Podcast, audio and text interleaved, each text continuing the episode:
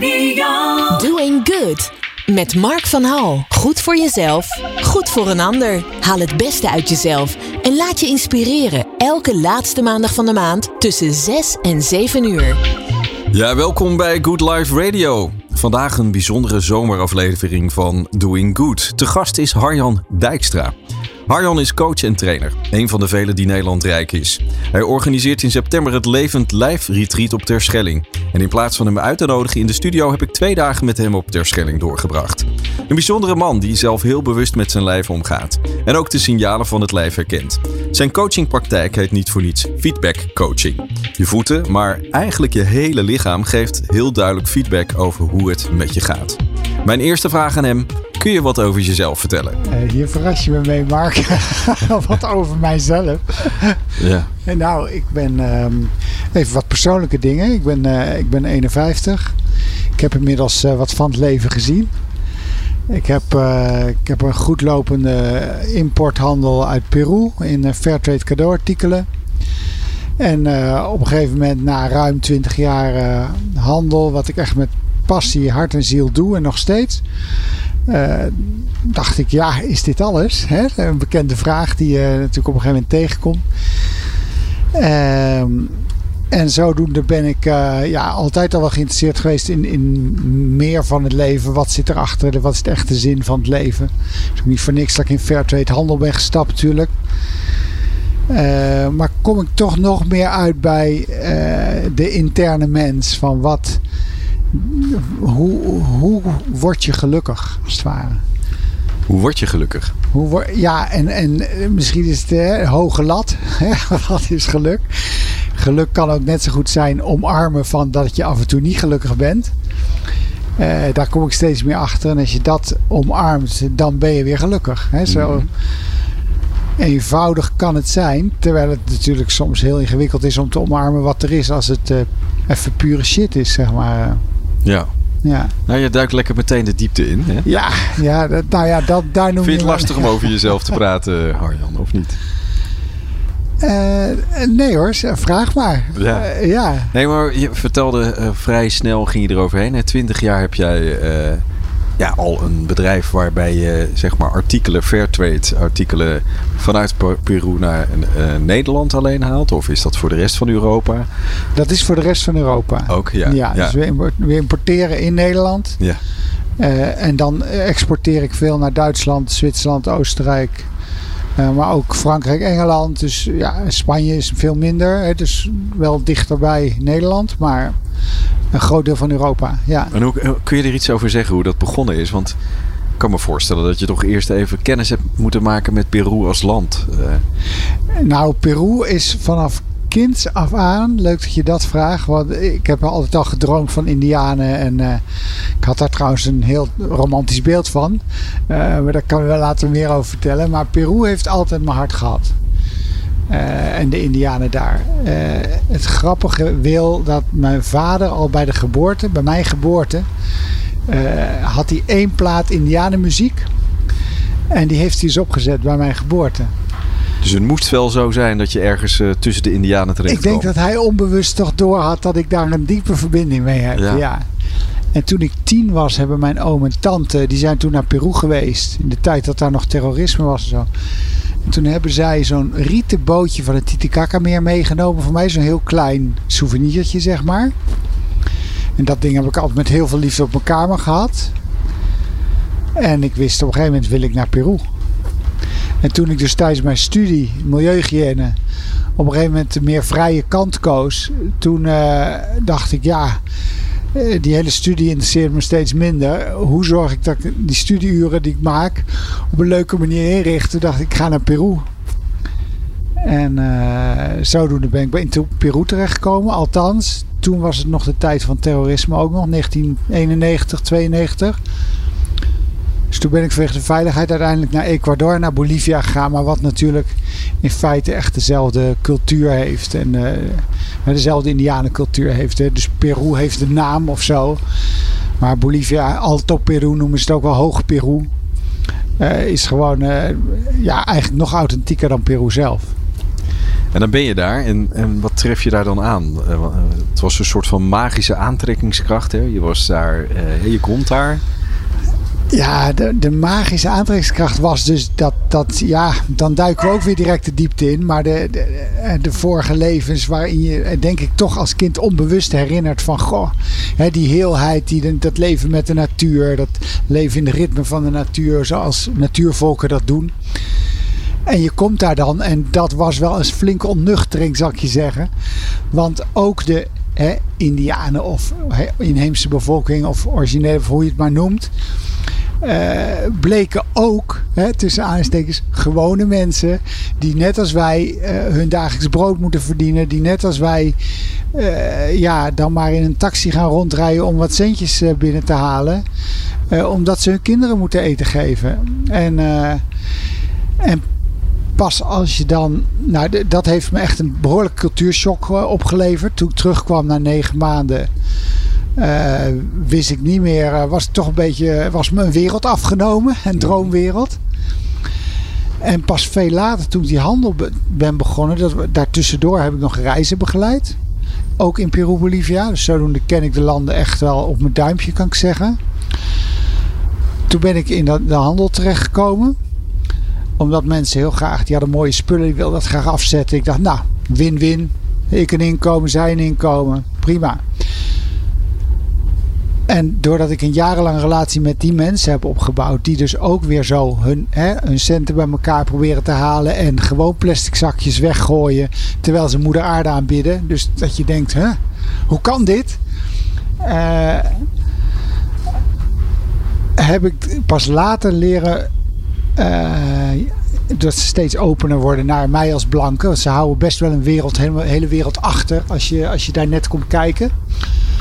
Dan hoor je ineens, oh, ze doen echt voor ze op reis gaan, doen ze echt een, een ceremonie met moeder aarde. En eh, soms komen ze gewoon niet. En dan zeggen ze tegen mij als blanke, de bus was kapot, maar de bus was niet kapot. Moeder aarde zei, je kan niet gaan.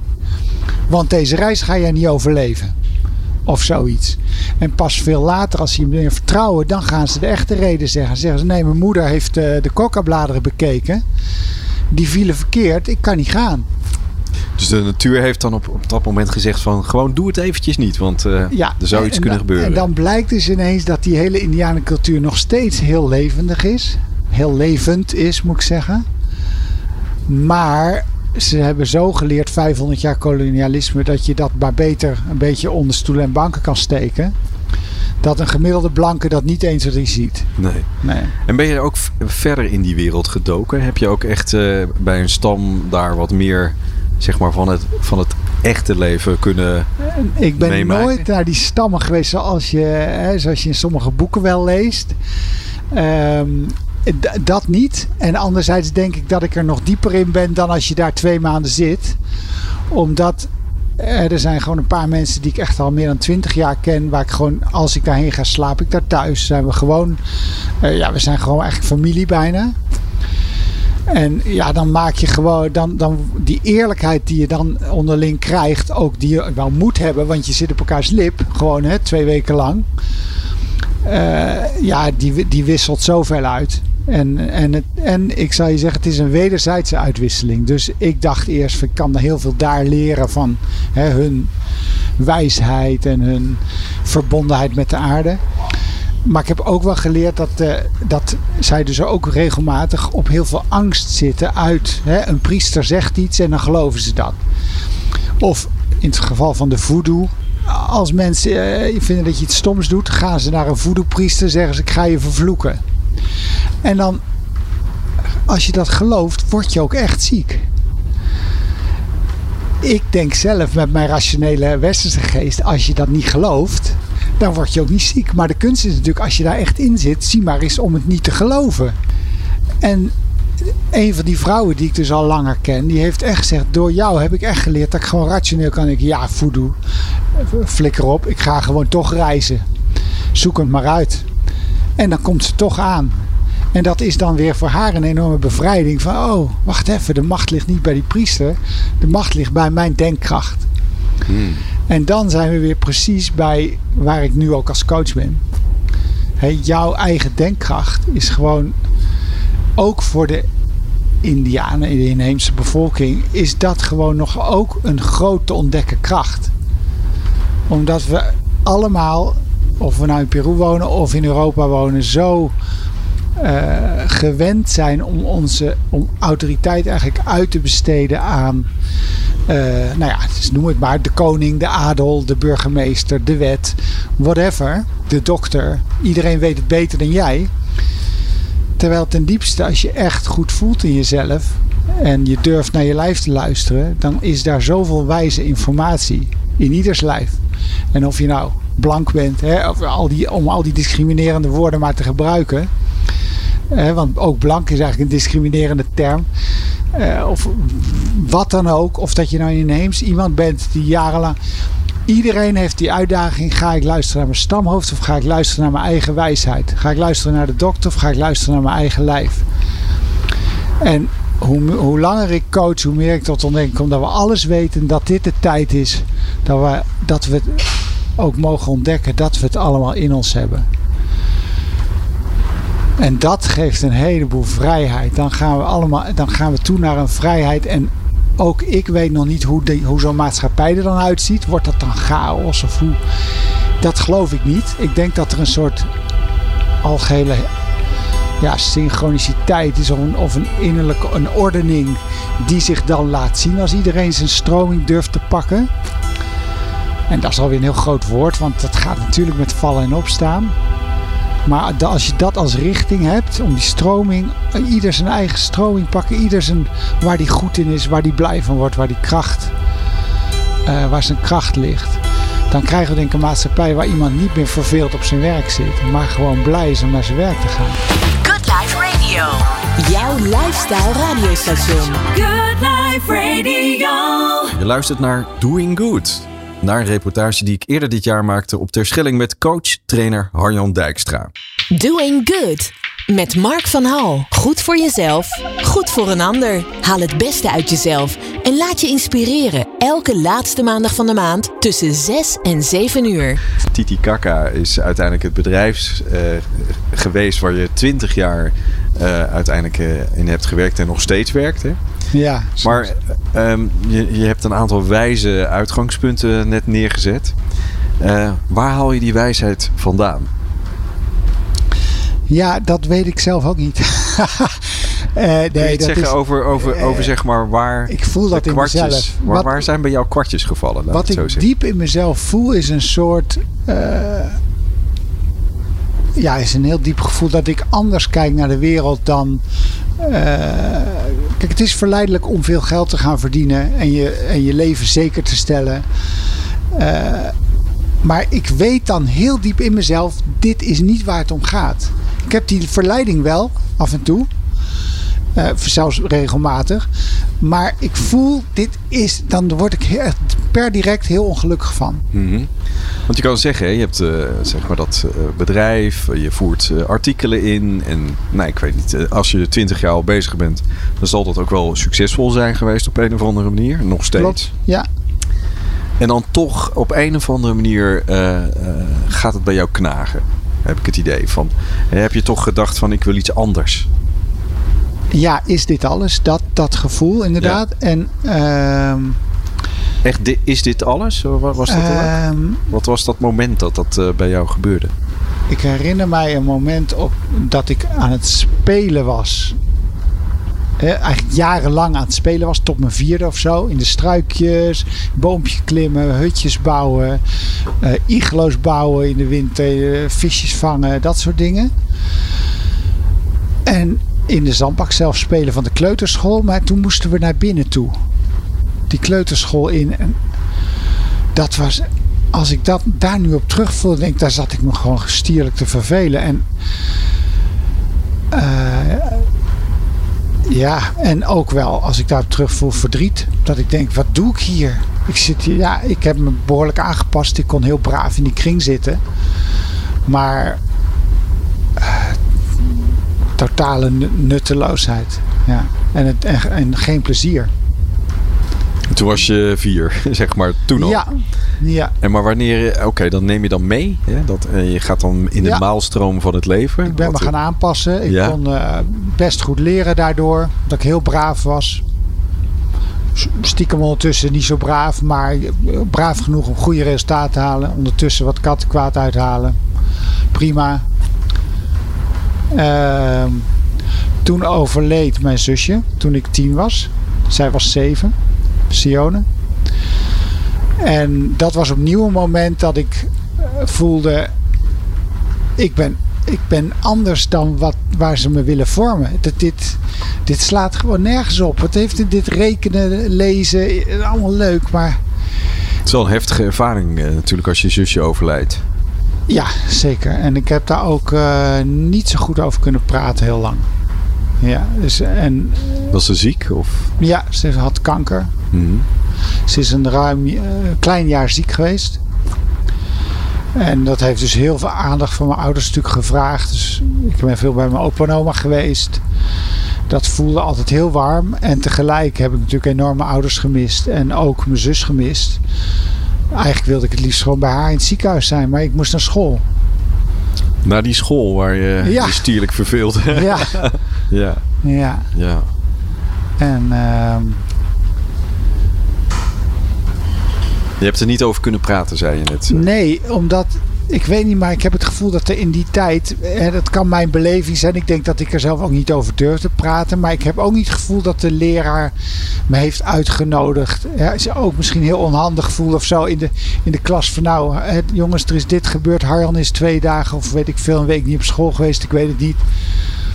Het motto was echt voor de, laten we maar weer gewoon doen, dan gaat het zo snel mogelijk over.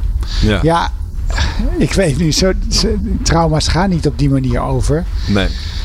Dus uh, ja, ik vind dat echt heel jammer dat dat. Uh, maar goed, voor mij is het een les. Oké, okay, praten is heel belangrijk, hoe moeilijk dat ook is. Mm -hmm.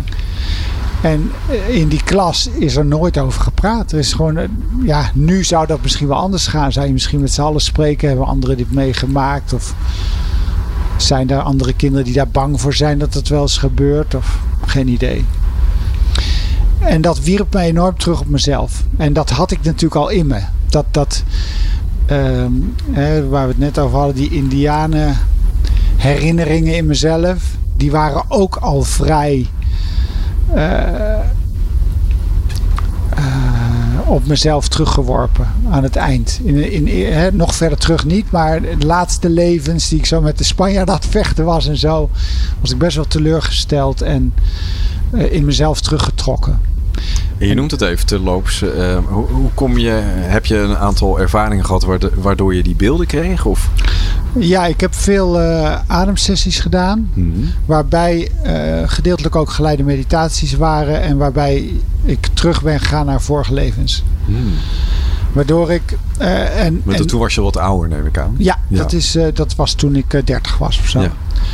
En daardoor vielen wel kwartjes. Oh, dit gevoel ken ik. Oh, van mijn Ja, ik voelde me rot toen mijn zusje overleed. Rot. Ja, echt gewoon kut, echt zwaar kut. Ja. En alleen, vooral veel alleen.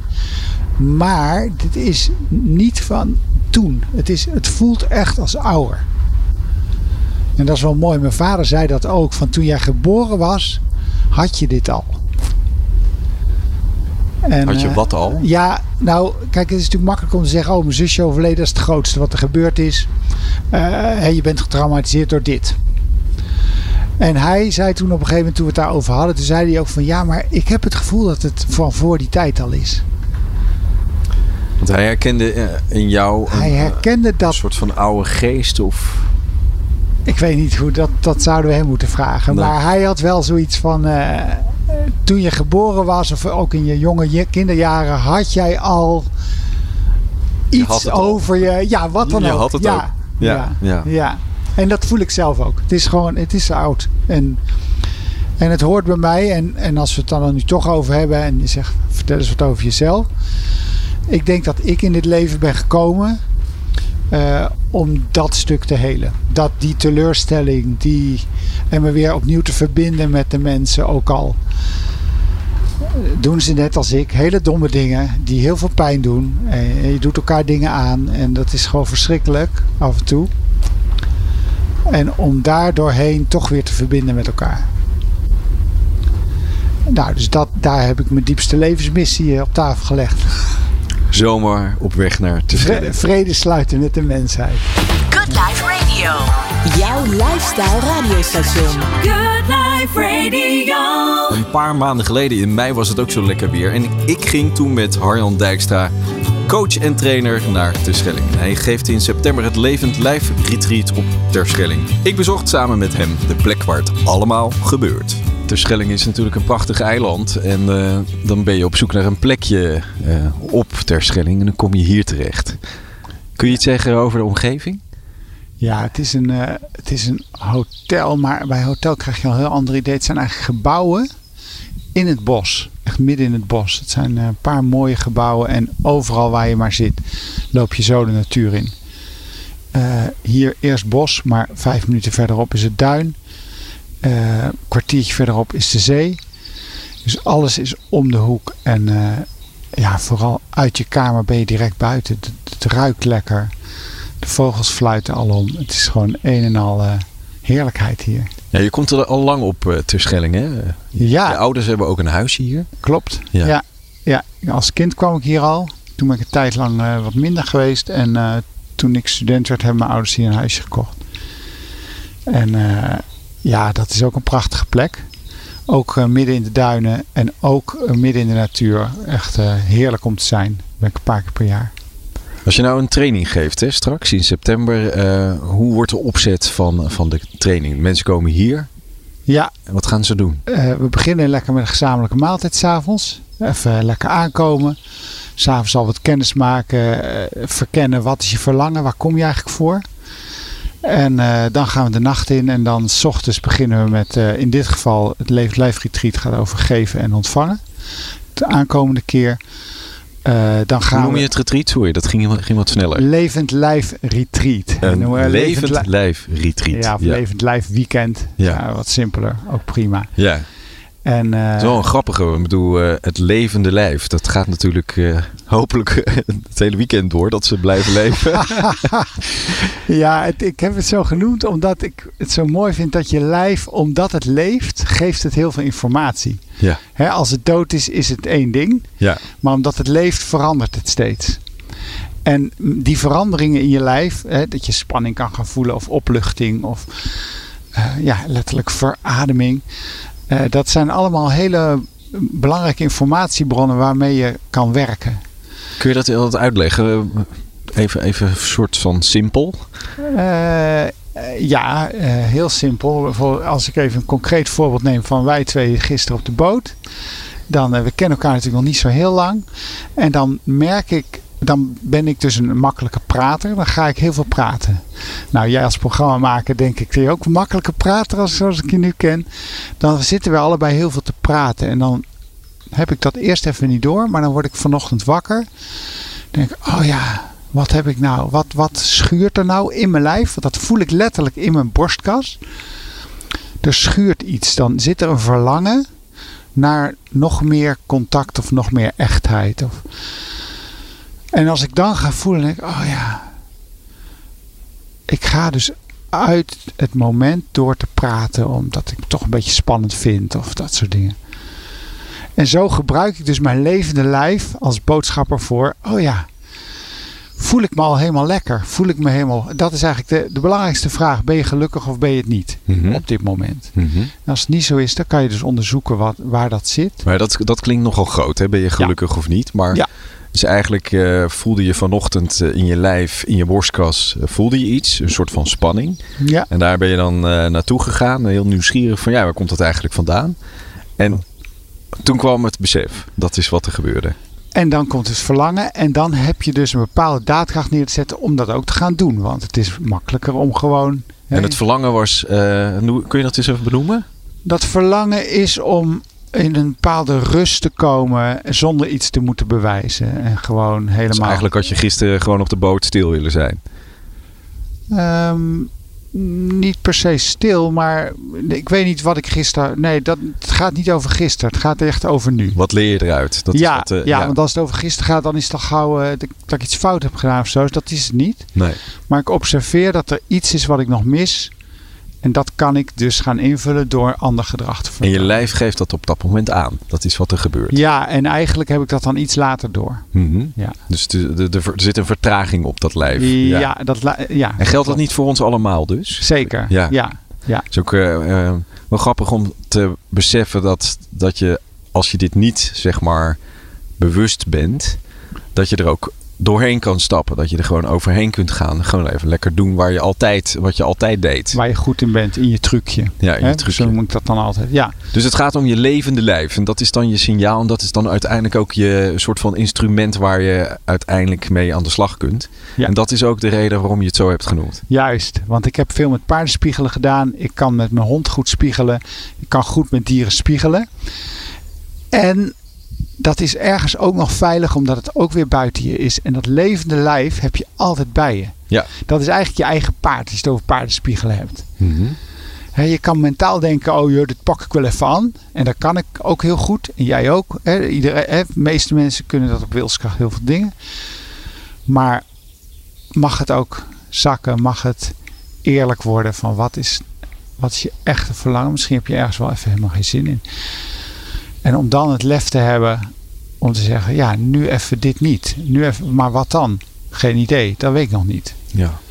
Er zijn er op dit moment heel veel aanbieders op het gebied van uh, retreat. Hè. We merkten het al, we zaten hier vanochtend bij het ontbijt. En we moesten, eh, nou we moeten niet, maar ik had het idee van als ik nu wat ga zeggen, verstoor ik een hele, heel uh, uitgebreid weekend of zelfs een week van allerlei mensen die de hele week stil moeten zijn. Maar ontzettend veel uh, sessies worden aangeboden. Er zijn reizen naar Ibiza en weet ik het. De, de markt van uh, live uh, coaching is enorm op dit moment. Hè? Ja. En ehm, kun je dat verklaren? Ja, dan ga je al gauw. ja, ik kan dat verklaren. En tegelijk, hoe belangrijk is het? Nou en. Maar, hè, dus, want, maar ik kan het wel verklaren. Ik denk wel dat in deze tijd we zo rijk zijn geworden met z'n allen in Europa. En de VS en uh, eigenlijk op heel veel delen van de wereld wel. Uh, dat we toekomen aan. Hè, we hoeven geen brood niet meer te vechten voor ons brood, niet meer voor ons dak, niet meer voor onze eerste gezondheidszorg en dat soort dingen. En nu komen we toe aan, oh, maar waar gaat het leven dan echt om? Ja. Dus ik denk dat we een bepaalde rijkdom hebben bereikt, waardoor we de luxe hebben om ons uh, met dit soort zaken bezig te houden. Van, ja, die, wat is echt bevredigend? Ja, en dan zeg je ook nog iets uh, belangrijks. Hè? Dus als je op dit moment wat minder in de slappe was zit... of dat je gewoon keihard moet werk, werken elke dag... om uiteindelijk uh, je, je, kinderen eten te geven... die krijgen dit allemaal niet. Hè? Dit, die, mm -hmm. die, hebben niet zo snel toegang daartoe. Wat vind je daarvan? Ja, daar vind ik, ja, wat vind ik daarvan? Uh, het is zo. Ja. Zo werkt het blijkbaar. En uh, dan kom je alweer direct bij een groot systemisch ding. Ik kan van alles vinden, maar sommige dingen zijn zo, daar heb ik het mee te doen. Daar ja. heb ik voor te buigen, noem je dat dan in het systemisch werk. Um, en dat is ook zeker iets waar we mee zullen werken. Er zijn natuurlijk dingen die zijn groter dan jij. En het is heel magisch hoe als je daar. Ik, ik ben een enorme vechter. Ik kom uit de milieuhoek. Uh, vechten is me heel bekend. En je vecht je erop dood. Burn-out, dat soort dingen komen daaruit voort. En het magische van buigen is dus, ondanks dat de mind zegt: nee, nee, nee, dit is slecht en dit, je moet hier iets aan doen. En allemaal dat soort gedachten. Wat het dan ook is: armoede, milieuvervuiling, sociale onrechtvaardigheid. Um, als het buiten jouw macht is, dan vecht je jezelf erop dood. En dan geeft buigen een enorme bevrijding. Oh, oh, ja, dit, dit heb ik gewoon echt te nemen. Als hier nu een helikopter overvliegt door dit prachtige natuurgebied, dan kan ik me wel boos maken, maar als, daar, heb, daar win ik niks mee. Dus je kan beter buigen. Je kan buigen of insluiten. Dat zijn hele belangrijke principes bij systemisch werken. En die geven heel veel ruimte. Ja. En heel veel ontspanning in je lijf. dat is een prachtige... Weer dat lijf, hè? Dus dat levende lijf geeft uh, misschien dan uh, irritatie aan als er iets gebeurt en het verstoort. Uh, ja. Jij zegt van, nou, daar moet je eigenlijk mee dealen. Dat is insluiten. Ja, dat moet niet. Nee. dat moet je echt lekker helemaal ja, dat zelf weten. moet je, moeten, moeten is misschien ook een, een verkeerd begrip. Dat, dus. dat kan. Oh, potverdorie. Ik ga even oppassen wat ik allemaal zeg.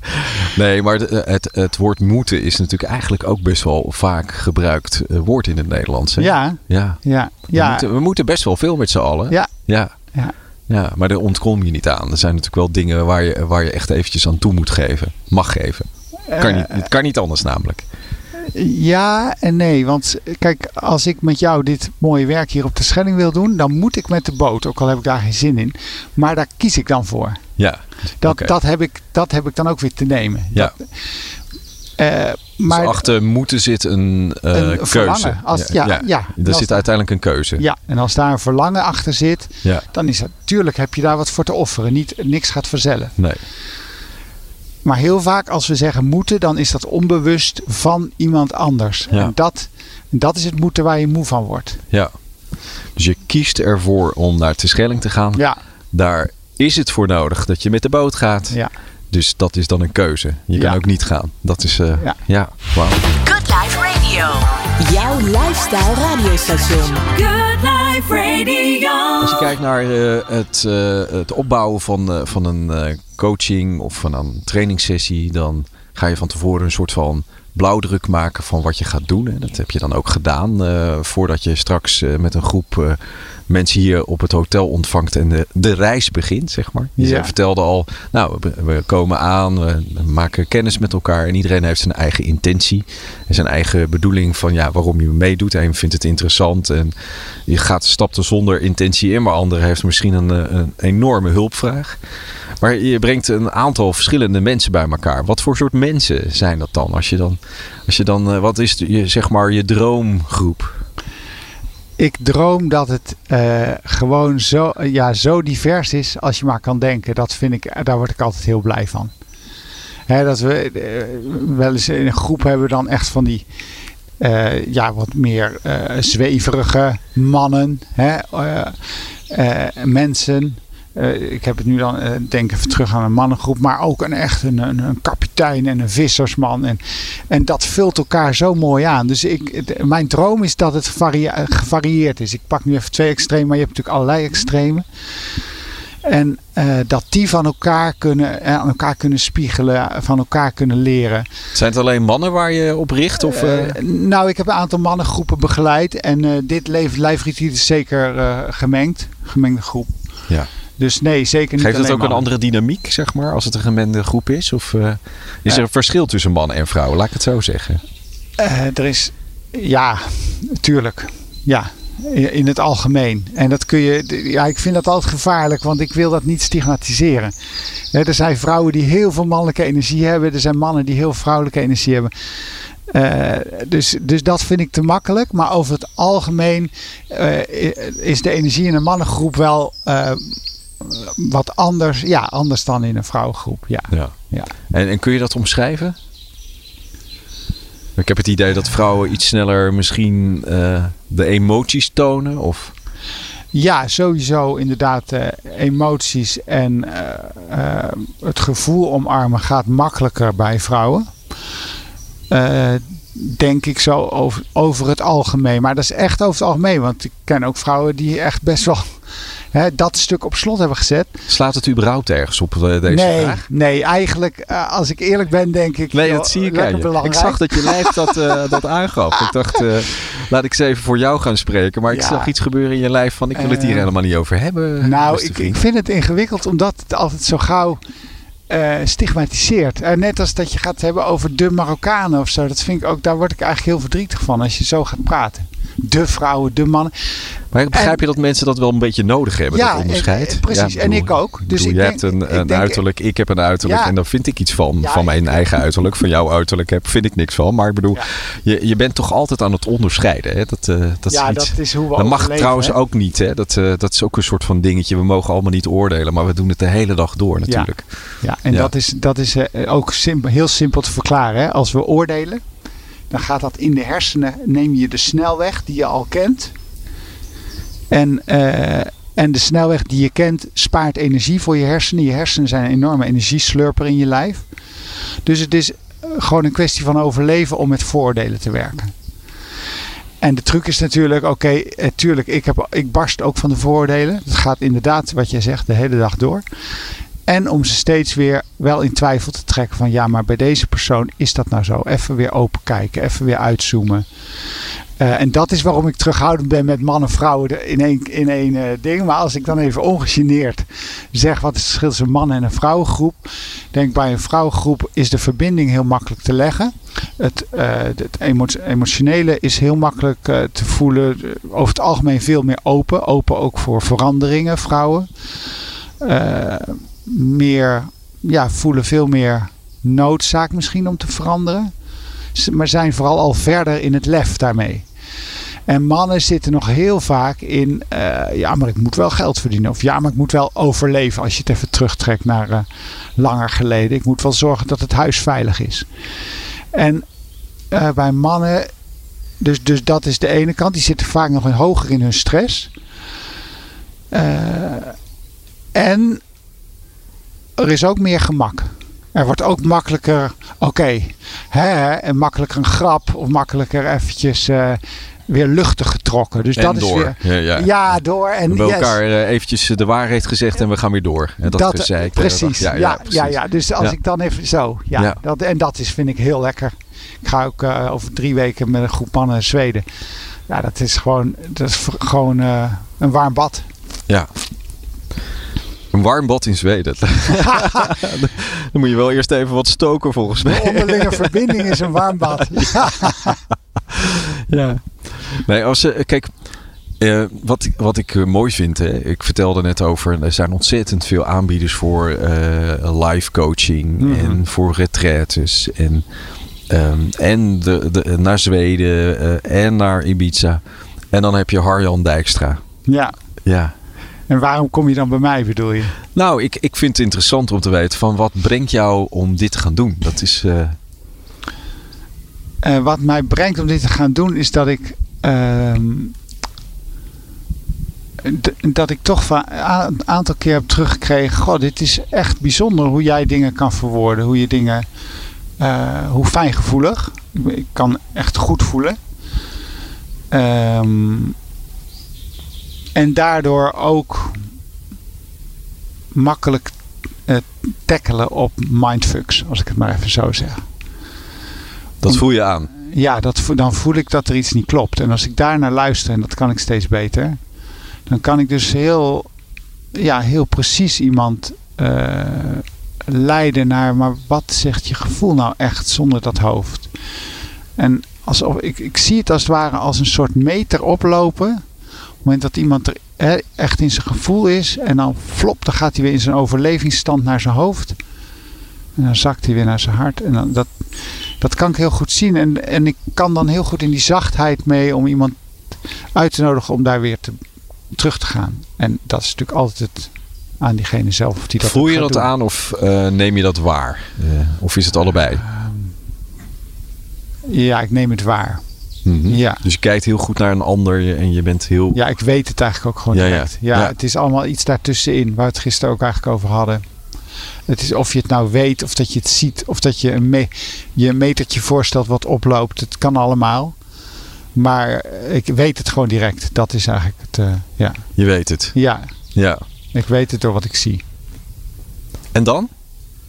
Als je dat dan hebt, als je dat dan. Ik bedoel, eh, eh, hoe heb je dat dan ontwikkeld? Dat is misschien eh, de vraag die ik heb. Hoe heb je dat ontwikkeld? Hoe heb je dat een plek gegeven? Mm, Ik heb dit vanaf mijn geboorte al. Dit gevoel, dat, dat heb ik al. Ehm, en ik heb heel lang geprobeerd om wat. eh, ja, om normaal te worden. Ja. Normaal te functioneren. eh, niet te ingewikkeld te doen. Niet te precies te voelen.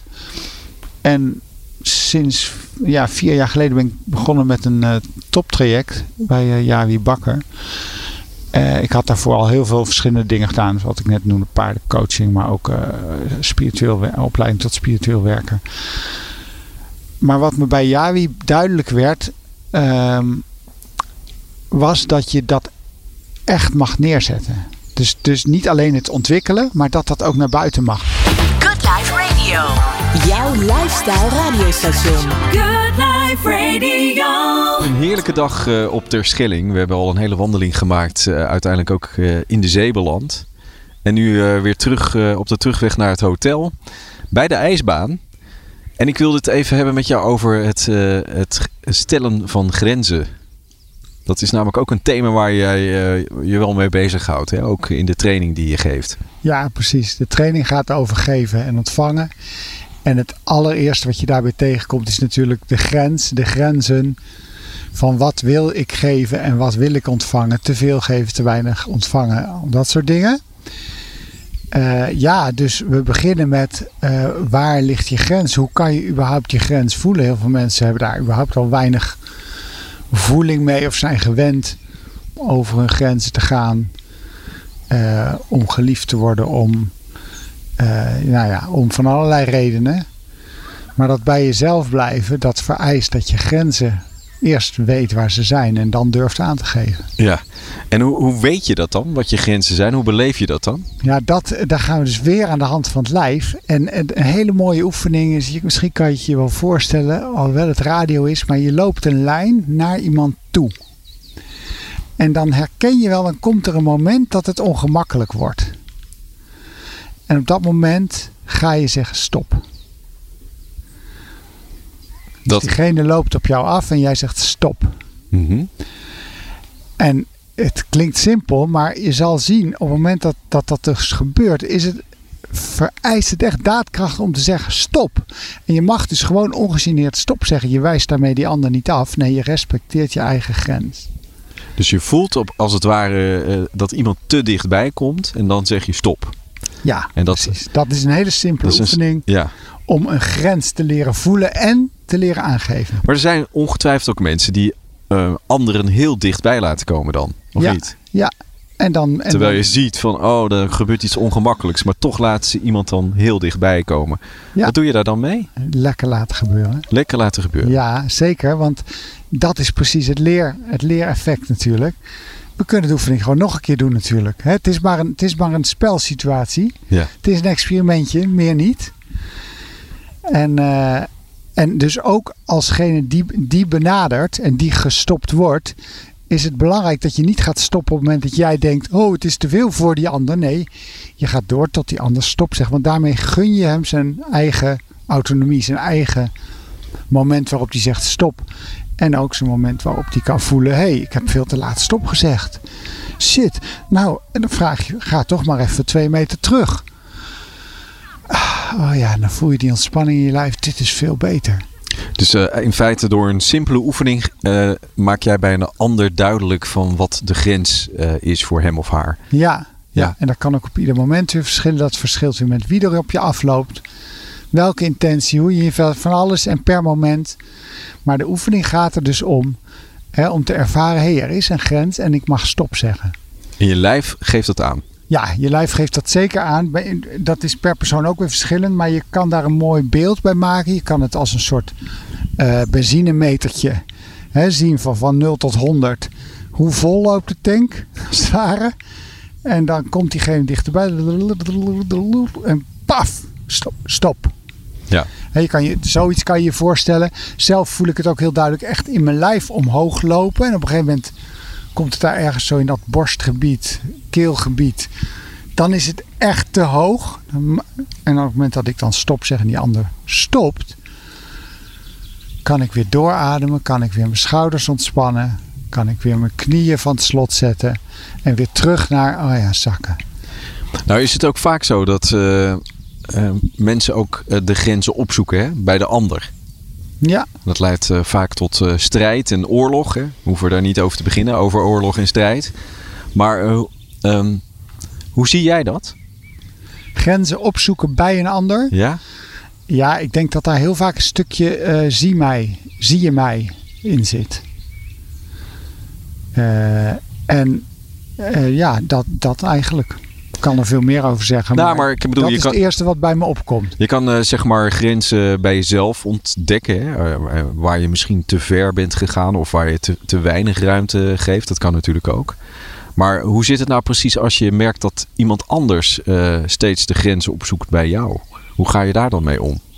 Ja, dat is dus precies. Uh, dan heb je dus dat stop te zeggen. Ja. Dus dan, dan, maar dat lukt soms niet, omdat er macht in het spel is, of dat je gezichtsverlies leidt. Of het is misschien ook wel een heel belangrijk thema voor uh, ja, heel veel mensen die toch daarmee kampen. Van ja, hoe doe je dat dan? Hoe zeg je stop?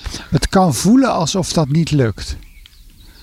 Maar feitelijk, als je het helemaal afpelt, kan je altijd stop zeggen. Ja. He, dus, dus, maar er kan dus niet naar worden geluisterd. Hè? Dat kan natuurlijk ook. Dat kan. En toch het gevoel, het belangrijkste is het gevoel dat jij geen stop kan zeggen. Of dat het geen invloed heeft. Op het moment dat jij voelt dat je die invloed hebt, dan stopt die ander ook. Dat is, dat is een spiegel. Die ander is een spiegel van jouw angst om nee te zeggen. Okay. En dat is, ja, dat is heel kort door de bocht. Maar als je hem zo ver afpelt, dan kom je weer terug bij ik heb ik krijg het weer beetje bij beetje in eigen handen om gewoon stop te zeggen. Natuurlijk kan iemand je echt iets aandoen. Uh, maar feitelijk in Nederland is het niet zo heel vaak aan de hand dat je echt, hè, op het moment dat je echt stop zegt of ergens echt zelf uitstapt, hè, dat het dan toch doorgaat. Hè, dat is toch heel vaak onbewust. Zit er dan toch nog een soort twijfel of een, uh, ja, groot woord, maar ja, nog niet genoeg duidelijkheid. Dat is het eigenlijk. Dus wees duidelijk in je, in je grens. Is, dat, uh, is dat wat je zegt eigenlijk? Ja. Nou ja, en, als en hoe doe jij dat dan? Eh, want uh, ben jij daar, slaag jij er altijd in? Zeker niet. Nee, nee, nee ik vind dat. Uh, ik, vind dat ik, ik ken, nou, heb ook een grote pleaser in mezelf. Ik wil graag aardig gevonden worden. Dus voor mij is het, is het af en toe lastig om te zeggen: nee, dit wil ik niet. Ja, nee vind ik een lastig woord. Ik zeg liever ja. En, ehm, en tegelijk heb ik wel gemerkt dat nee ook altijd een heel groot ja is naar jezelf. He, nee naar een ander is ook ja naar iets anders. Vaak naar jezelf, naar ruimte in jezelf of naar dit wil ik niet. Nou, dan wil ik zijn, is dus mogelijkheid voor andere, andere beweging. Good Life Radio. Good Life Radio. Alles wat je leven leuk maakt. Ja, ik heb een paar dagen op Terschelling doorgebracht met Harjan Dijkstra. Hij is van Peru naar zijn binnenwereld gegaan en heeft als motto vrede sluiten met de mensheid. En dat doet hij al enige tijd als coach en trainer. Luisteren naar je lijf, luisteren naar je lichaam. Je feedback komen vanuit je voeten. Dat is zijn uh, verhaal en dit is uh, wat hij ook gaat doen uh, in september. Op Terschelling. Dankjewel voor het luisteren. Ik geniet van de zomer en ik hoop jij ook. Tot volgende. Good Life Radio. Jouw lifestyle radiostation. Good Life Radio.